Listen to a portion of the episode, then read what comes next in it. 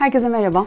Fit sorulara bu hafta 8 Mart Dünya Kadınlar Günü'nde yaklaşırken aslında çok önemli olduğunu düşündüğüm bir soruyu getirmek isterim. Cam tavan sendromu nedir? Cam tavan sendromu ince ama zararlı bir ayrımcılık şekli. İlk defa 1980'lerde kullanılıyor ve anne olan kadınların aslında işe dönmemesi gerektiğine dair içten içe var olan e, bir sesi örtülü bir algıyı anlatmak için kullanılıyor. Annelik izi olarak da geçiyor e, bazı makalelerde. Şimdi ise bu tanımı daha üst pozisyonlara yükselmek isteyen kadınların karşılaştıklarını söyledikleri görünmez cam bir duvar gibi tanımlamak mümkün. Geçtiğimiz haftalarda bir grup kadın bu sendrom üstüne biraz konuşurken, sohbet ederken hayatlarımızın, kariyerlerimizin bir yerinde o cam tavanı hissettiğimizi ne yazık ki fark ettik. Dünya hatta Türkiye kadın olmak için kolay bir yer değil. Etki alanınızda olmayan birçok şey var. Kadın cinayetleri, dünyadaki eşitsizlik, ayrımcılık, toplumsal sorunlar, şirketlerdeki bu alandaki bakış açıları belki oturduğum yerden çözebileceğim konular değil ama kendi etki alanında olan birkaç sorun üstüne belki düşünebilirim. Bunlardan bir tanesi kadın olarak varoluşumdan gelen gücümü nasıl kullanabilirim ve bunu nasıl dengeli bir şekilde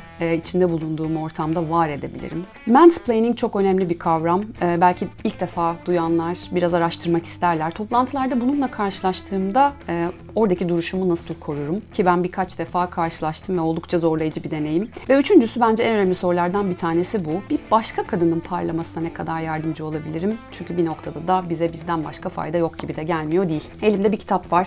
Clarice Estes, Kurtlarla Koşan Kadınlar. Teması içe dönüş ve içe yolculuk. Estes çok uzun yıllar bir takım araştırmalar yapıyor. Mitlerden, masallardan, hikayelerden oluşan kitabın içerisinde de aslında özellikle vahşi kurt arketipinden yola çıkarak kurtlarla kadınlar arasındaki benzerlikleri ve nasıl kendi otantik özümüze dönebileceğimizi, kendi doğamızla olan bağımızı nasıl koruyabileceğimizi muhteşem örneklerle ve muhteşem hikayelerle anlatıyor. Birkaç defa e, okumak, birkaç defa sindirmek ve bugünün kadınına, bugünkü kadın kimliğime, anneliğime, iş yaşantısındaki rollerime neler getirebilirim diye en azından benim e, çok üstünde durduğum kitaplardan bir tanesi. Düşünmekte, okumakta fayda var. Bu haftanın sorusu cam tavan sendromundan ben kendime ne çıkartabilirim, ne öğrenebilirim ve burada nasıl o tavanı zihinsel olarak en azından aşabilirim olsun.